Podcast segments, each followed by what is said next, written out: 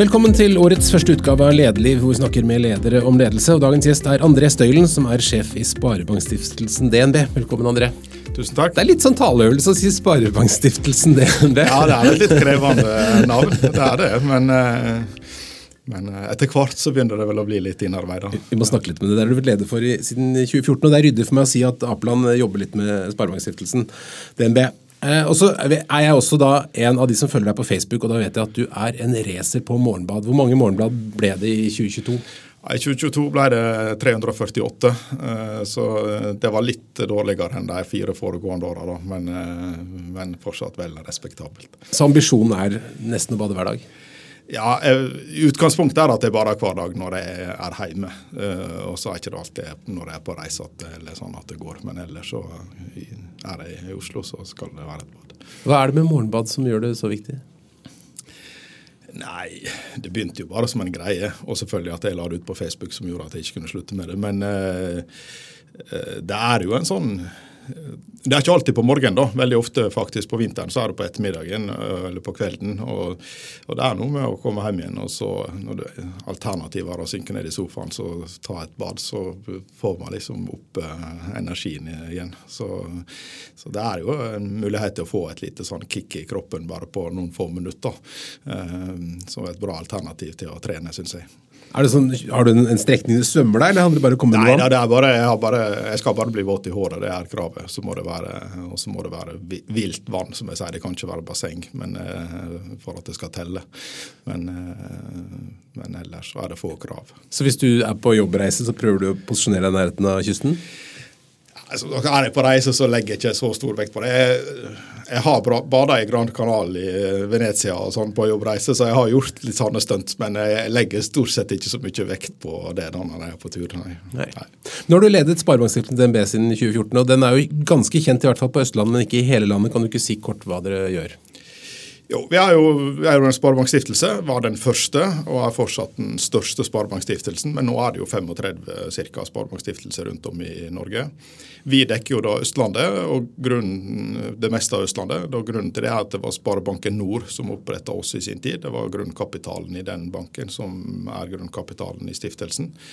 Og så kjøpte vi aksjer i det, det, som da en kort periode het Sparebanken Gjensidige Nord. Og så kom fusjonen med DNB året etterpå. Så da har vi siden 2003 vært nest største eier i DNB.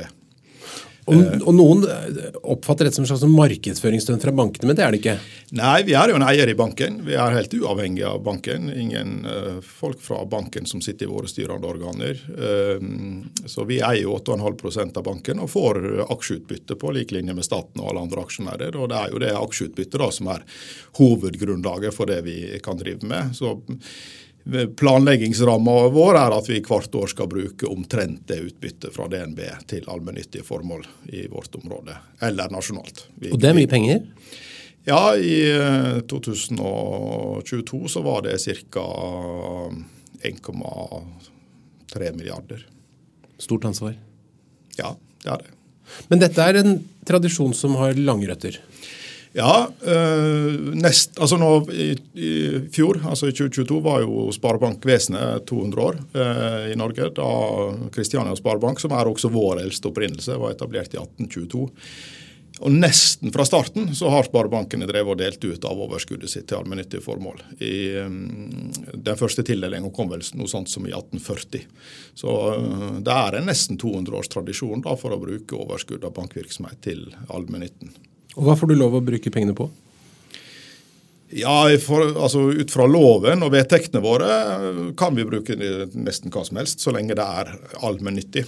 Eh, men vi jobber jo primært i stiftelsen eh, ut fra en strategi som styret har vedtatt, og innenfor noen eh, definerte områder. Kunst og kultur, idrett og lek, natur og friluftsliv og nærmiljø og kulturarv er de fire områdene vi jobber innenfor. da. Eh, men loven setter altså ikke noe særlig begrensning, og heller ikke vedtektene våre på hva vi kan gjøre. Og ganske spektakulære prosjekter. I fjor så kjøpte dere bl.a. en øy? Ja, og det var jo morsomt. Det er jo ikke sånn som man gjør hvert år, eller hvert tiår heller. Eh, men da kom jo Lågøya, som ligger rett nord for Håøya i Oslofjorden, eh, til salgs. En øy som hadde blitt eid av Circle K og forløpere, Statoil, mm, bensinstasjoner og sånn, eh, i nesten 100 år og brukt som ferieboliger for ansatte. Så kom hele, vi ville selge hele øya egentlig stykke den opp i 21 enkelteiendommer, da, de 21 hyttene som var der. Men det fikk vi vite om, og klarte å bli enige med Circle K før dette kom ut i markedet og kjøpte hele øya. Og den skal jo da forvaltes av Oslofjordens friluftsråd og DNT i Oslo, slik at dette skal være tilrettelagt for at uh, alle kan leie der, eller at organisasjoner kan leie hele øya i perioder for å ha uh, aktiviteter som er OK å ha en hel øy til. Uh, det er jo ikke alle aktiviteter som er like godt egnet til å ha oppi andre folk eller ferierende. Så det er jo veldig mange fordeler ved å ha en hel øy. da. Hva, hva koster en ferie i Oslofjorden for tiden? Eh, ja, nei, Det er ikke noe hemmelighet hva vi betalte. Vi betalte 130 millioner kroner. og Det er vel omtrent det de ville ha fått hvis de solgte de 21 hyttene som enkelteiendommer. Mm. Så, så, det var jo en, en, markedspris vi betalte for det. Eh, det er klart, Vi vil jo ikke, vi vil jo ikke få noen økonomisk avkastning av den annen enn den avkastninga vi får ved at dette blir brukt til gode formål. da. Mm. Eh, at folk får mulighet til å få nær sjøen-opplevelser. Eller at organisasjoner da, som jeg sa, får, får arrangere ferietilbud. Ferie for alle-tilbud eller eh, ferie for vanskeligstilte. Eh, ja. Var det en vanskelig beslutning å bruke 130 millioner på det? Det er jo det som er fint med Sparebankstiftelsen, at vi, vi sitter jo på en betydelig kapital og, og ressurser. Så det, vi fikk altså vite om dette det gikk fire uker fra vi fikk vite om det, og til vi offentliggjorde at vi hadde kjøpt den. Og Da var påska imellom, og vi hadde styrebehandling av saken. Og, og det, altså Noe fortere det er det knapt mulig å gjøre sånt. Eh, så det sier jo at vi, vi har et styre som er i stand til å ta slike beslutninger på kort varsel. Og, og jeg tror dette var såpass tydelig. Det var såpass spektakulært, og alle skjønte at det, sånn kom bare en gang per generasjon. og mm.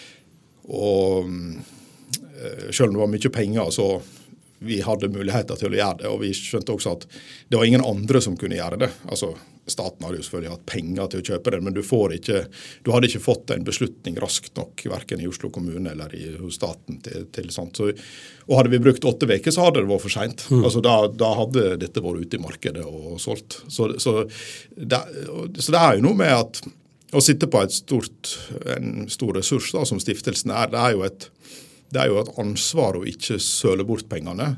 Men det er jo også et ansvar å, å trå til når det er nødvendig, og når det ikke er noen andre som kan gjøre det. Så jeg, jeg tenker jo at, um, at, det ansvaret slår begge veier. Da. Det er ikke bare å være forsiktig som er ansvaret, det er faktisk også å, å være dristig når uh, en mulighet oppstår som, som det ikke er noen andre som kan ta. Du sitter jo også som styreleder i Amedia, og det er også en, en stor satsing som stiftelsen har gjort? Ja. Ja, det var jo i, i 2016, da, eller det begynte jo i 2015, da LO og Telenor ville selge Amedia. Det er jo veldig langt fra det Sparebankstiftelsen DNB holder på med. Vi, vi støtter ikke journalistikk eller medier eller bokutgivelse eller noe, egentlig. Men, men, um, men det begynte med at vi tenkte at dette um, lokalaviser er en kjempeviktig infrastruktur. Det er jo viktig for samfunnet og for demokrati. Men det er også veldig viktig for mange av de tingene vi støtter. Mm. Lokalt, eh, lokale idrettslag, kulturliv, eh, frivillige organisasjoner er veldig avhengig av at det finnes en lokalavis som kan fortelle om den aktiviteten. Så, så der begynte liksom interessen for det. Og så øh, og så var det jo den, en idé som på en måte kom opp om at uh, kunne man få til en eller annen form for stiftelseseid mediekonsern i den ganske vanskelige situasjonen som norske medier var i, og vestlige medier i det hele tatt var i den, den gangen. Uh, så er jo strukturen at vi oppretter en, en, egen stiftelse som eier media. Altså Det er jo en egen enhet. Det er ikke Sparebankstiftelsen DNB som nå er eier. Men kjøpet ble gjort med våre midler, og det ble lånt penger fra oss til den nye stiftelsen. Og de pengene har vi jo for så vidt nå fått tilbake igjen. Mm. Så, så, dette har jo også økonomisk sett gått veldig bra, da. Men en ganske lignende beslutning på mange måter som Lågøya. Altså, det er vel de to, sånn sett, de to enkeltstående morsomste tinga jeg har vært med på i stiftelsen. Fordi begge deler har vært litt utafor boksen og helt annerledes enn det vi vanligvis gjør, som er å behandle mange tusen små og store søknader fra frivillige organisasjoner, som er kjempeviktig. Men det er klart, um, dette var jo to tilfeller der vi gjorde noe helt annet, og, og der vi så at hvis ikke vi gjorde det, så, så ble ikke det gjort. Mm. Um, og og det å sitte i en organisasjon som har den løfteevnen til å gjøre sånne ting, da, det er jo ganske moro. Mm. Amedia er en organisasjon som eier 80-90 lokale medier. Hvor mye tror du det betyr å ha en uh, ikke-kommersiell eier som denne stiftelsen? Ja, altså Nå har vi jo norske mediekonsern som er uh, kommersielt eide. Både Skipsted og Polaris er jo børsnoterte selskap. og og Polaris driver jo mye av den samme virksomheten som det vi er. Men jeg tror i 2016 um, så var det ganske skjørt. Og jeg tror um, Eh, jeg tror det kunne gått galt med de lokalavisene hvis det kom inn en eier som bare prøvde å skumme fløten og liksom ta ut liksom, hente, hente igjen de verdiene veldig fort. Så det at det kom inn en eier uten spesielle profittmotiv, og som hadde en veldig langsiktig interesse i det, og som, og som gjorde det fordi lokalavis var viktig, og ikke for å gjøre seg liksom, noen raske penger, jeg, jeg tror det var viktig i den situasjonen som aviskonsernet var i da. Eh, så betyr ikke det at stiftelsesforma er den eneste riktige i, en, i et norsk mediekonsern eller i, eh, eller i andre medier. Men, men jeg, jeg, tror at dette var et veldig uh, riktig grep. Uh, og så ble jo betingelsene som vi fikk i 2016 altså det, det var ikke så høyt priser, da, mm. mediekonsern den gangen. så det, det, var jo et tidsvindu som gjorde det mulig på alle måter. da. Eh, og, og, så har jo det gått bra. Liksom, han har klart den digitale overgangen etter det. Og det er ikke det bare media som har klart, det har Polaris og Skipsted og andre også klart. altså at vi, man nå får betalende abonnenter også, også digitalt, mm. ikke bare på papiravis.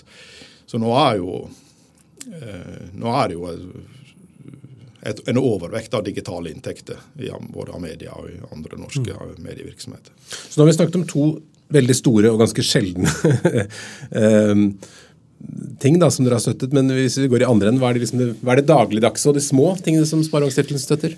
Ja, Det er jo veldig mangfoldig. da, og Det er jo også noe av det som gjør det morsomt og interessant. Vi, jeg nevnte jo de fire områdene som vi støtter. så det er jo Hver for seg er jo det ganske store, brede området. og Til sammen så dekker det jo nesten hele frivilligheten i, i, Norge. Og det er jo smått og stort. Altså Det er søknader og tildelinger fra 2000 kroner til uh, altså mange titalls millioner kroner. Mm.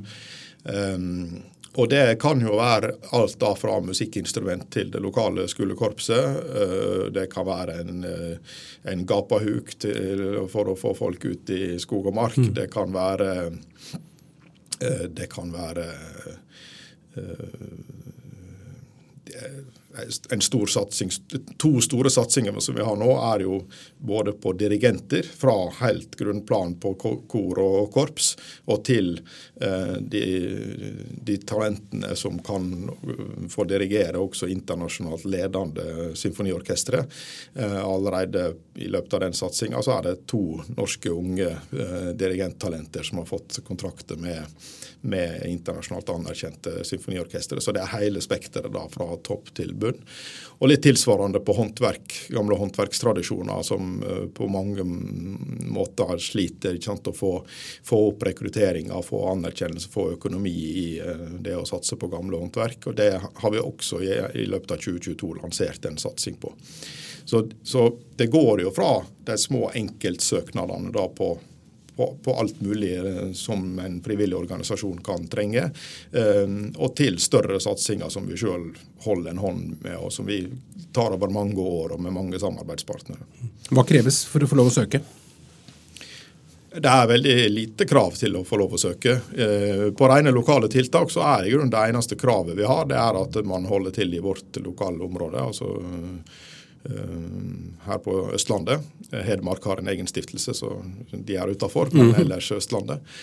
Um, og så er det jo frivillighet. og så er Det slik Du må være en organisasjon, du kan ikke som privatperson? Nei, ikke privatperson. Ja, Unntaksvis uh, kan det, men du, du, får aldri støtte hvis pengene skal gå til deg som Nei. person, eller som for din egen uh, inntekt, eller sånn. Det, det går ikke. Men uh, det, det finnes jo tilfeller der det ikke finnes en organisasjon, og der det er en privatperson som mm. er søker. Men i utgangspunktet et organisasjonsnummer, en frivillig organisasjon, ikke rent til drift. den løpende drifta må man liksom håndtere sjøl. Det må være Eh, enten en investering eller en satsing, altså en kompetanseheving eller et tiltak for å få opp aktiviteten. Mm. Da kan vi også støtte liksom driftsrelaterte ting i en begrensa periode.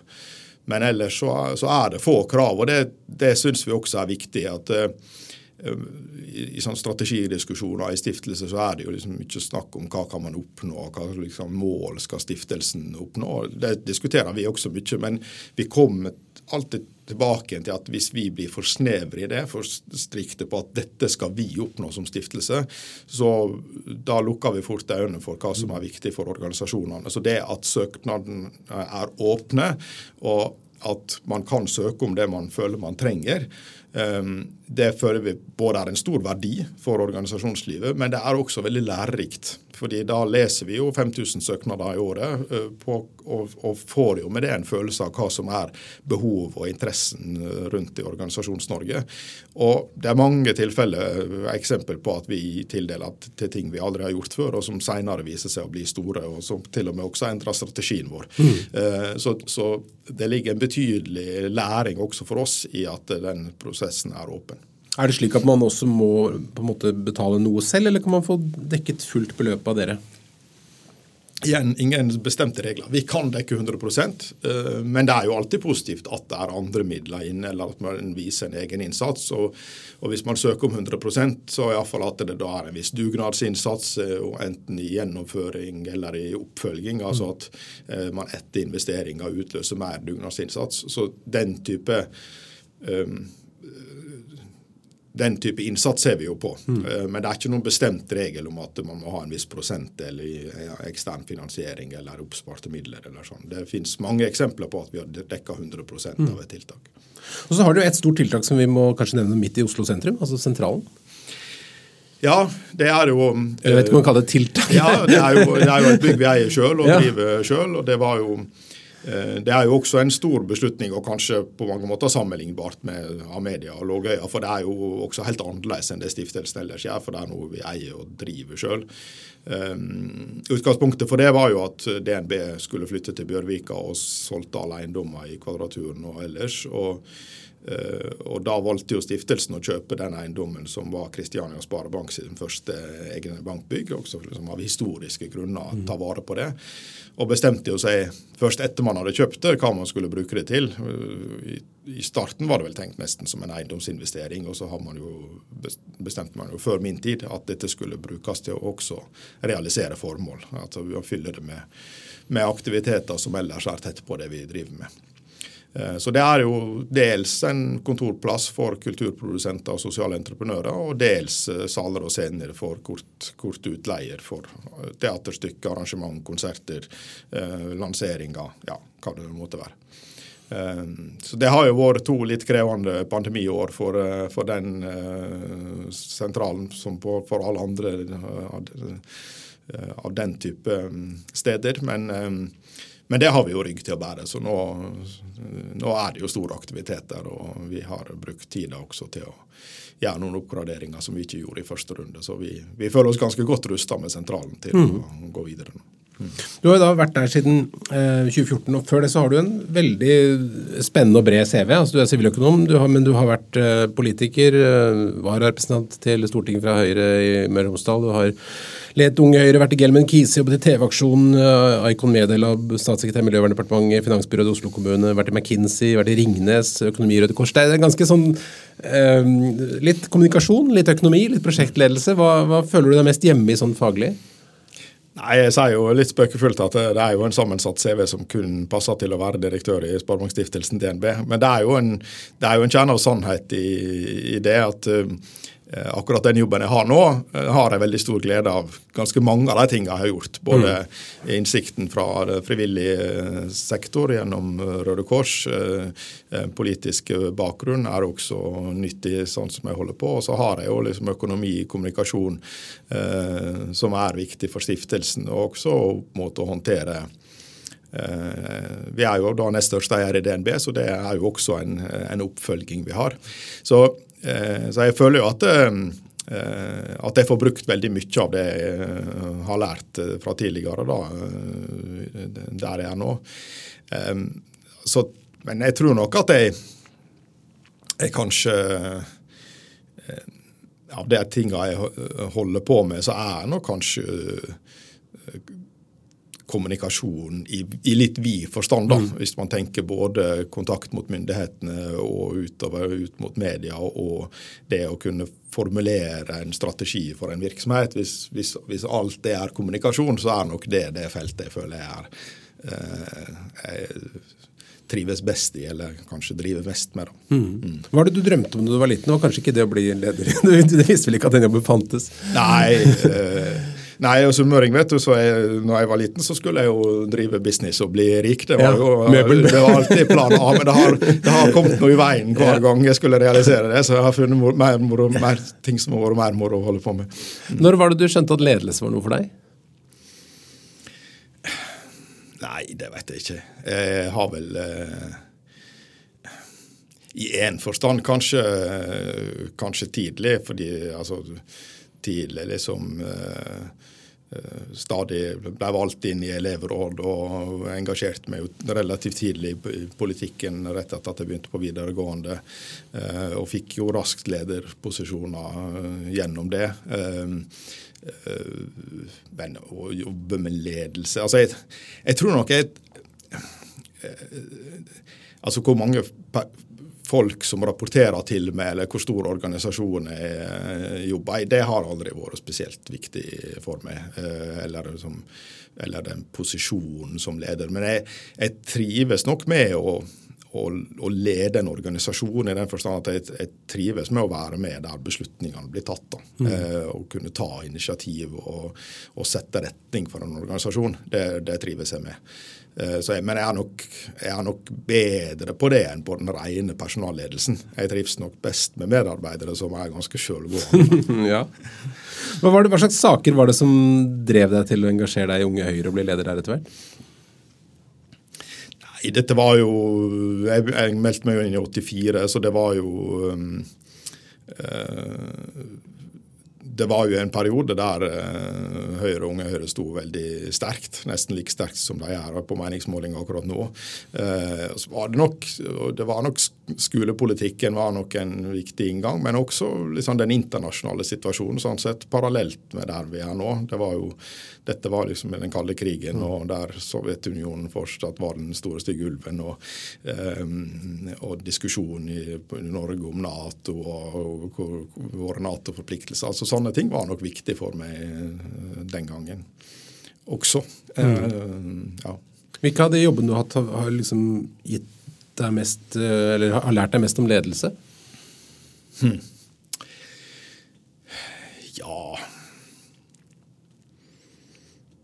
Jeg tror nok at det må, jeg tror nok jeg må si at det var å være finansbyråd i Oslo.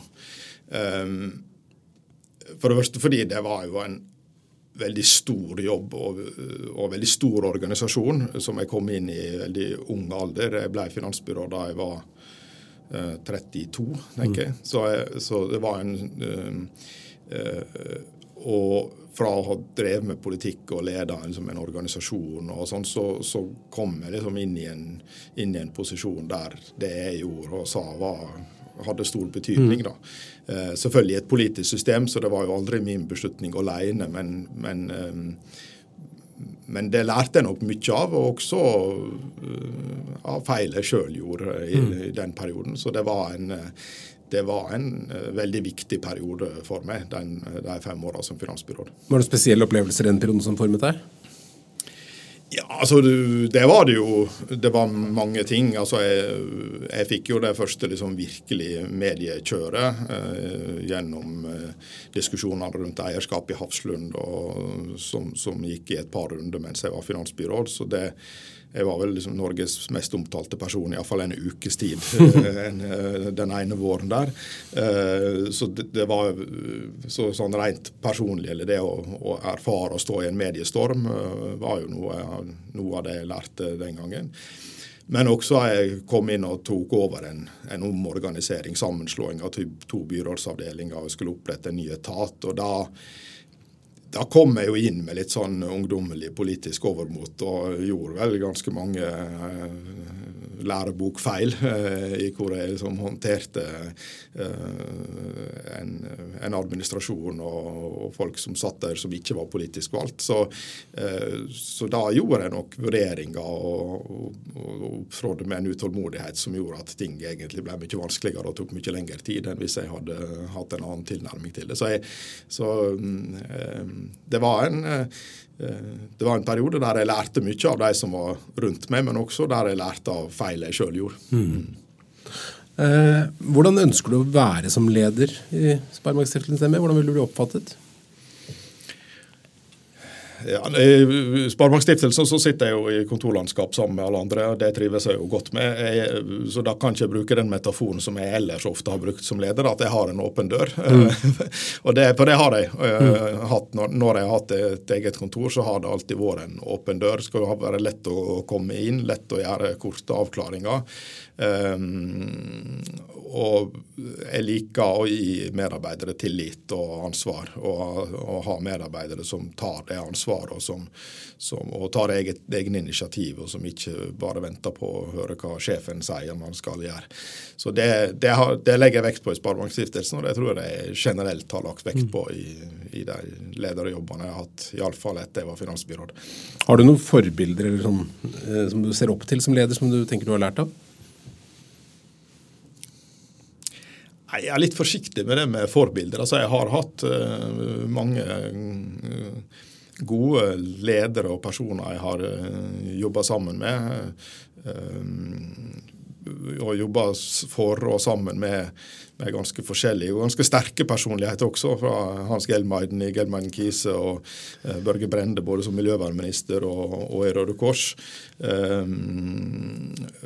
og, og folk som som ikke eh, tar så mye plass, men som jeg også har lært mye av, som Morten Voldsdal, som også jeg var sammen med i, i German-krise.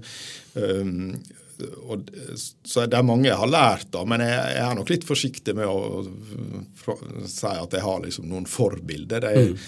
jeg prøver å å plukke opp gode, gode, ting fra mange, og så, og så, lære av ting jeg kanskje tenker ikke er så bra, og ikke gjenta det som jeg ikke syns er så bra. Så jeg, jeg prøver nok å prøve, heller å, mm. å, plukke gode ting fra flere. Da. Du har ganske stort ansvarsområde. Dere har mange prosjekter, eh, mange søkere. Har, du jobber med Amedia ved tillegg, du har sentralen. Altså mange, mange ting. Hvordan prioriterer du tiden din? Ja um nå har jeg jo, altså Amedia, Jeg er styreleder i Amedia, og øh, å håndtere det nok omtrent som jeg ville ha gjort med et hvilket som helst annet eksternt styreverv som man kan klare å ha ved siden av en sånn jobb som jeg har. Eh, så det, Amedia påvirker ikke organisasjonen så mye i det daglige. da. Vi har et samarbeid på tildelinger også med lokalavisen i Amedia, så det er litt flere hos meg som er involvert i, i ting som har med Amedia å gjøre. Men, men det det håndterer jeg som, nesten som om det var et ekstent, helt ekstent styreverv. Um, og Så er jeg styreleder i sentralen, og så har vi jo disse andre prosjektene.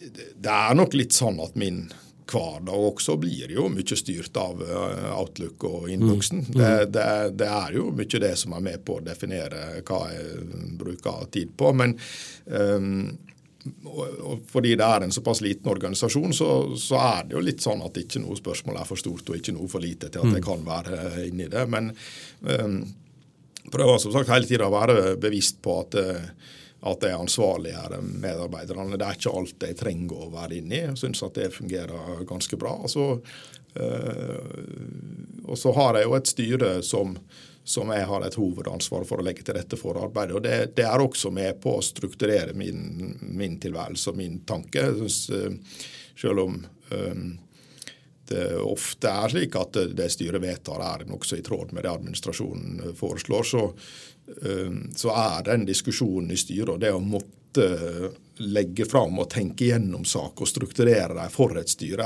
er veldig nyttig for organisasjonen og administrasjonen uansett. Så det gjør jo også at ja, det skal jo et årlig budsjett og handlingsplaner, det skal jo en strategi på plass. altså Det, det, det er slik at årshjulet er med på å, å, å, drive organisasjonen videre, da, fordi uh, vi, vi, hele tida skal innom styret med å ta avsjekk på, på, på viktige milepæler. Eh, så, så, det bruker jeg mye tid på, og det syns jeg er veldig nyttig. Eh, både diskusjonene og responsen vi får i styret, men i det hele tatt det å, å forberede saker for, for styret, at, at, det gir en veldig god struktur da, i eh, arbeidet. Mm. Så sitter dere da og sender ut milliarder av kroner ut i Organisasjons-Norge. Får du noe tid til å reise ut og se hvordan det går med pengene?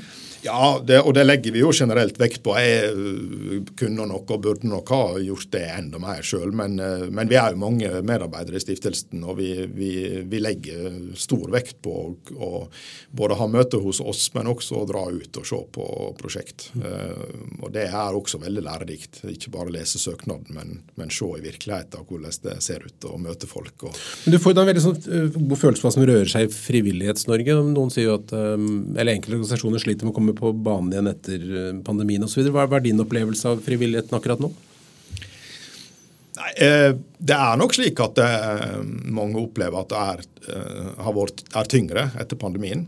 Jeg er, jeg er litt usikker på hvor alvorlig det er. Altså Det er definitivt tungt for mange.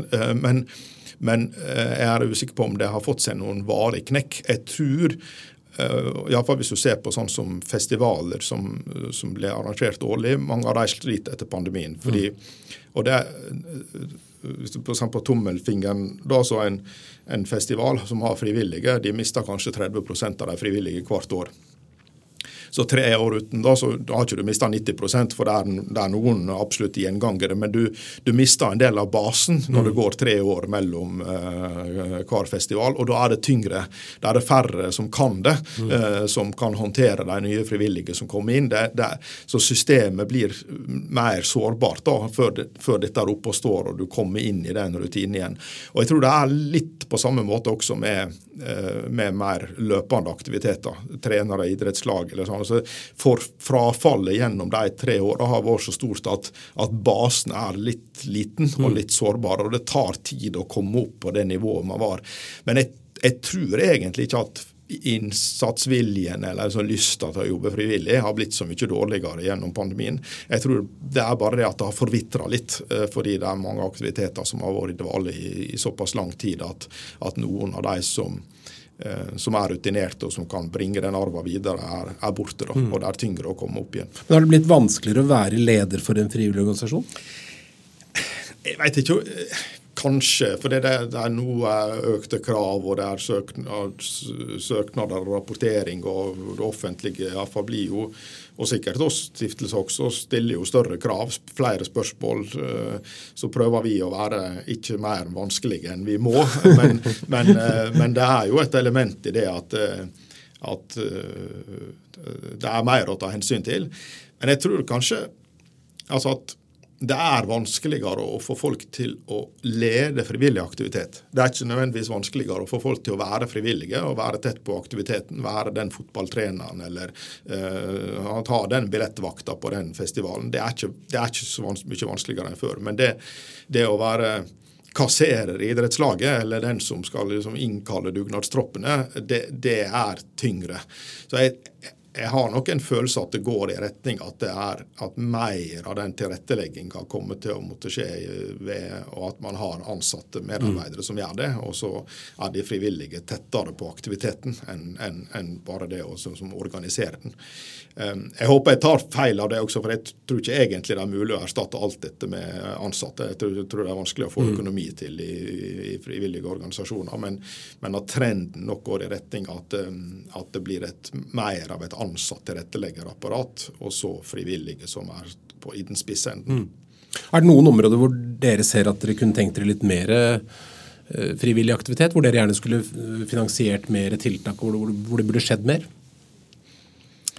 Nei, det, det, er ikke så lett å peke på. Vi får jo mange søknader fra et veldig bredt felt. Der vi, vi fokuserer, eller vi, vi, følger jo med på hvilke geografiske områder vi får støtte fra. Vi ser at um,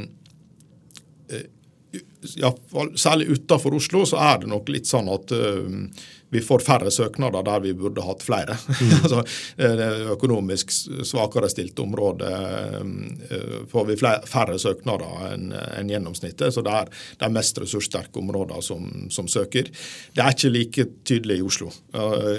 Internt i Oslo får vi også mange søk, søknader fra, fra områder i byen som, som har Eh, svakere demografiske forhold. Så det, det, det, så det men, men vi prøver å være bevisst på det og jobbe mot området for å få opp interessen, kjennskapen til oss, eh, inspirere til tiltak eh, også i områder der vi ser vi får færre søknader. På, på områder, altså på liksom innenfor formålsområder. Men, men jeg tror, altså, det tror jeg generelt vil si, at, at vi vi er åpne for å støtte tiltak for å styrke frivilligheten rent generelt. Altså kompetanseheving for å få med flere frivillige, satsing på å øke eh, frivillig innsats. Uten, altså det kan vi støtte.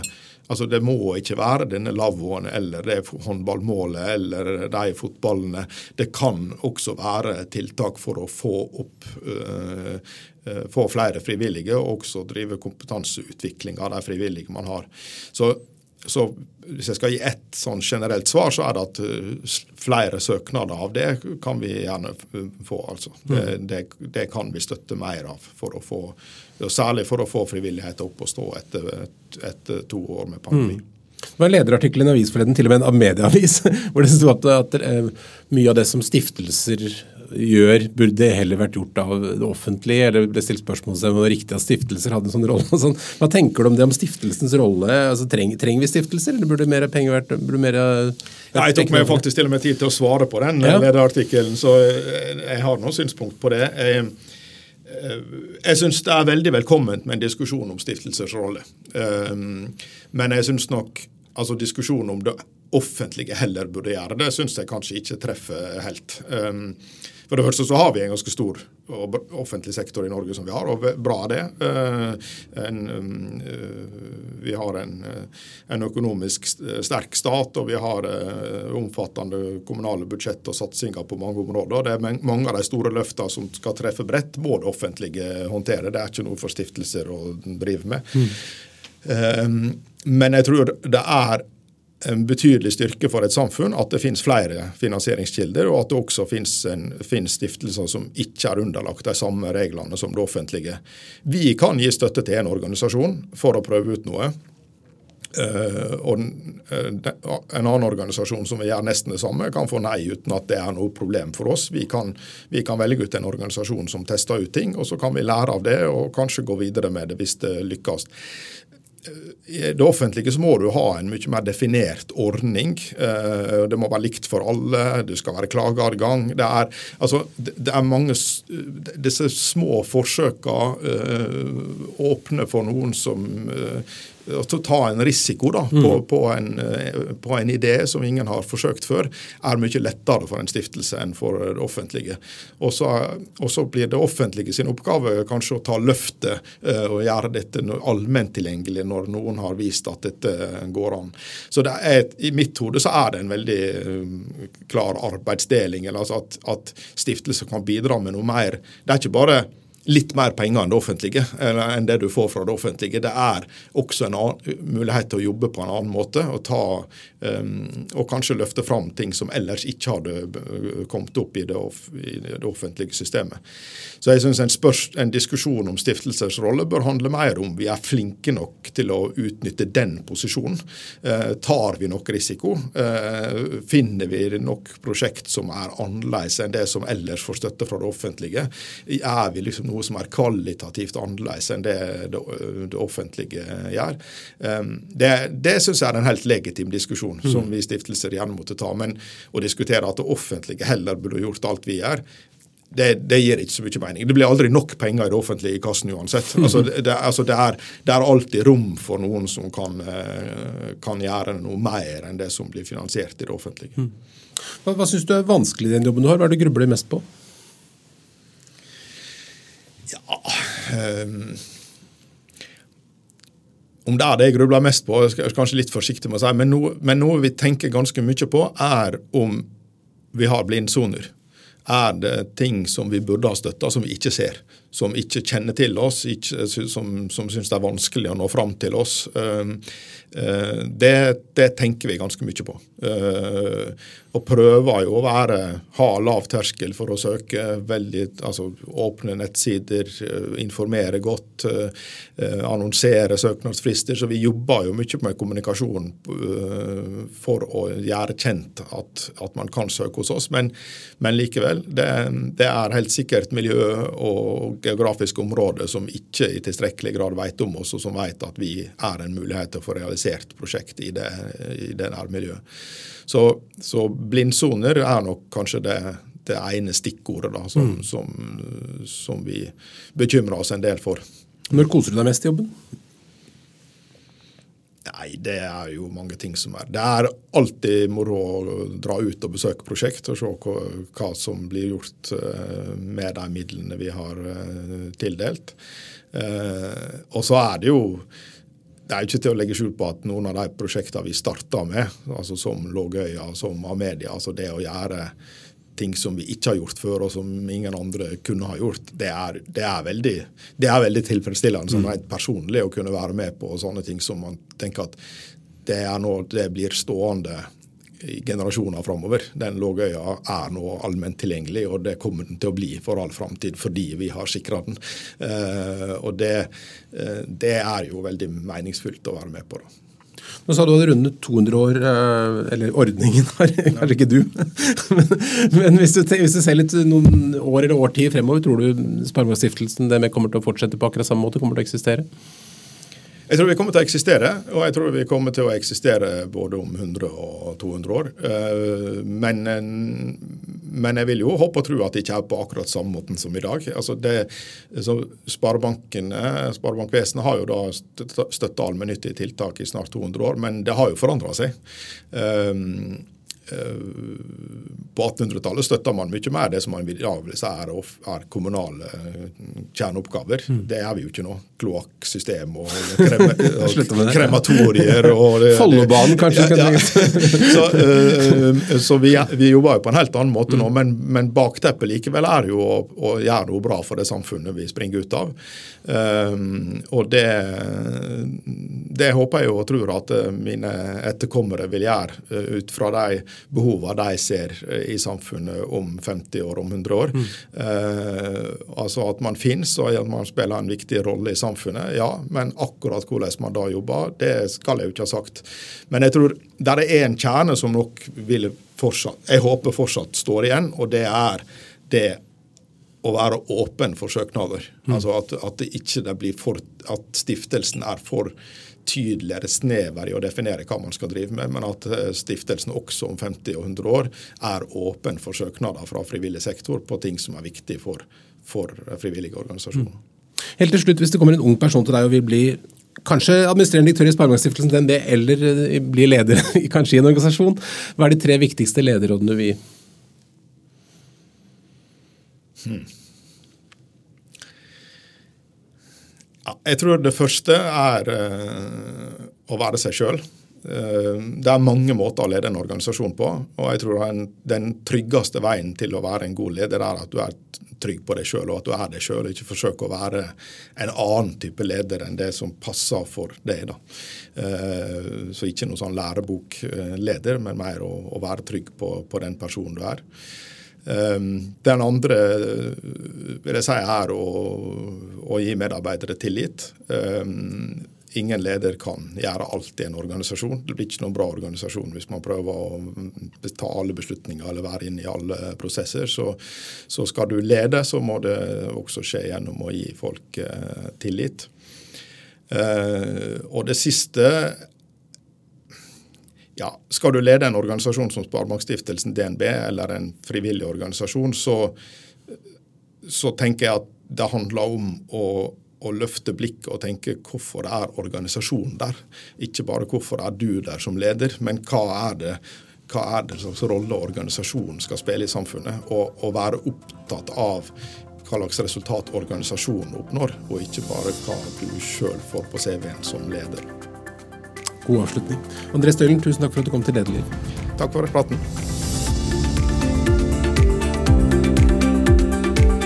Lederliv er en podkast fra Apeland. Redaksjonen består av Ingrid Hogneland, Lars Volden, Lars Jarle Melum og meg som heter Ole Kristian Apeland. Vi treffes på e-post oleatapeland.no hvis du har ris, ros, tips om ledere, kjeft, hva som helst. Bare send.